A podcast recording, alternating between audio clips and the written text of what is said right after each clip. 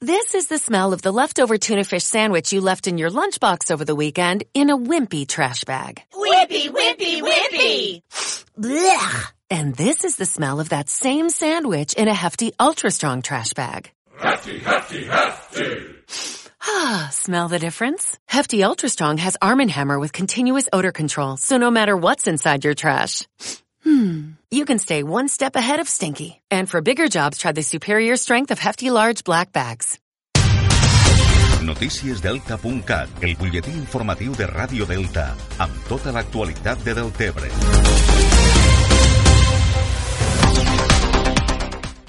Després de les eleccions municipals d'este diumenge a les Terres de l'Ebre, Esquerra Republicana de Catalunya ha aconseguit majoria absoluta als Consells Comarcals del Montsià i la Ribera d'Ebre i majoria simple al Baix Ebre. A la Terra Alta ha estat Junts qui ha aconseguit la majoria simple. Pel que fa a la comarca del Baix Ebre, Esquerra Republicana s'ha quedat a un pas de la majoria absoluta i ha obtingut 11 dels 25 consellers en joc. Junts n'ha aconseguit 8 en pes per les victòries de Deltebre, l'Aldea i Tortosa Tortosa. Amb número de vots, Esquerra Republicana i Junts per Catalunya han pràcticament empatat a la comarca al voltant dels 12.500, però Esquerra Republicana ha obtingut més regidories, un total de 75 enfront les 44 dels demòcrates. La tercera força política al Consell Comarcal és el PSC amb 4.000 vots i 17 regidories. L'Esquerra Alternativa, vinculada a Movem Terres de l'Ebre, ha aconseguit també dos consellers comarcals i Ciutadans, que entra per primer cop al Consell un conseller. Actualment, el Consell Comarcal del Baix Ebre està governat per Esquerra Republicana i el PDeCAT amb un acord d'alternança en la presidència, un, càrrec que ara ocupa l'alcaldessa demòcrata de Camarles, Sandra Zaragoza. Caldrà veure també si es manté el pacte entre els republicans i els demòcrates al Baix Ebre o si Esquerra Republicana troba altres socis de govern.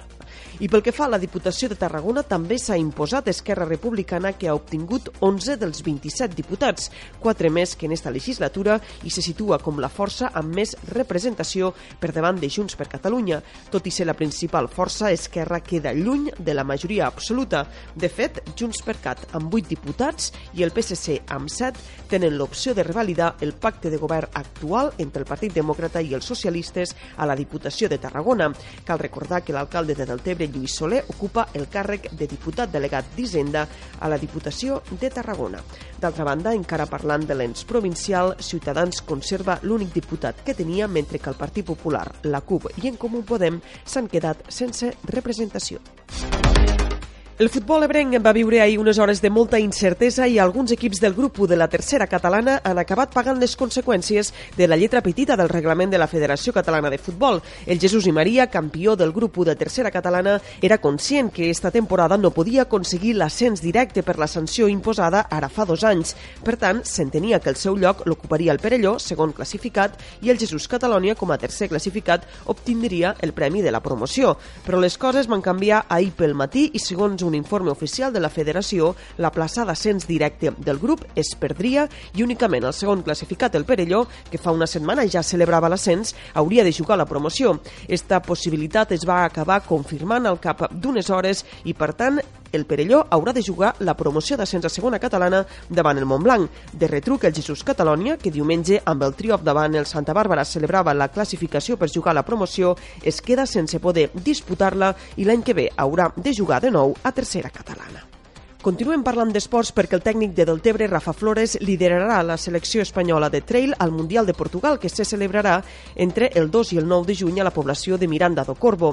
Després dels bons resultats obtinguts com a seleccionador català de trail al Campionat d'Espanya per Autonomies, Flores va rebre una proposta per part de la Reial Federació Espanyola d'Atletisme per a dirigir l'equip de trail al Mundial. Flores va acceptar este nou repte i liderarà un equip format per 12 atletes, 6 nois i 6 noies, entre ells Andrés Simón, atleta atleta del qual n'és també entrenador personal. L'equip es desplaçarà ja esta setmana a Portugal per tal d'aclimatar-se al terreny i fer una prova de reconeixement del circuit. Rafa Flores comptarà amb un potent equip que, sens dubte, partix entre els principals favorits per a ocupar els llocs del podi al Mundial. I encara un últim apunt, el Col·legi Sant Miquel de Deltebre va acollir ahir una jornada esportiva adreçada als alumnes de 5è i 6è de primària i de primer d'ESO. Amb el suport del Consell Esportiu del Baix Ebre, la jornada va implicar diverses associacions esportives de la població i el Pla Educatiu d'Entorn amb l'objectiu de promoure l'activitat esportiva fora de l'horari lectiu, així com els hàbits saludables. A la trobada van participar diferents entitats del municipi i es van practicar esports com el twirling, el ball, les birles, tennis, futbol i rem, a més de comptar amb activitats de suport vital bàsic, entre d'altres.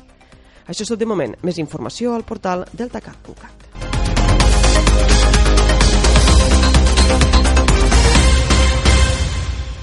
This is the smell of a warm three day old egg salad sandwich in a wimpy trash bag. Wimpy, wimpy, wimpy. Blech. And this is the smell of that same sandwich in a hefty, ultra strong trash bag with new Fabuloso lemon scent. Hefty, hefty, hefty. Smell the difference? When life gives you stinky, get Hefty Ultra Strong with new Fabuloso lemon scent. It smells like clean, freshly picked lemons. So no matter what's inside your trash, you can stop the stink and smell the lemon.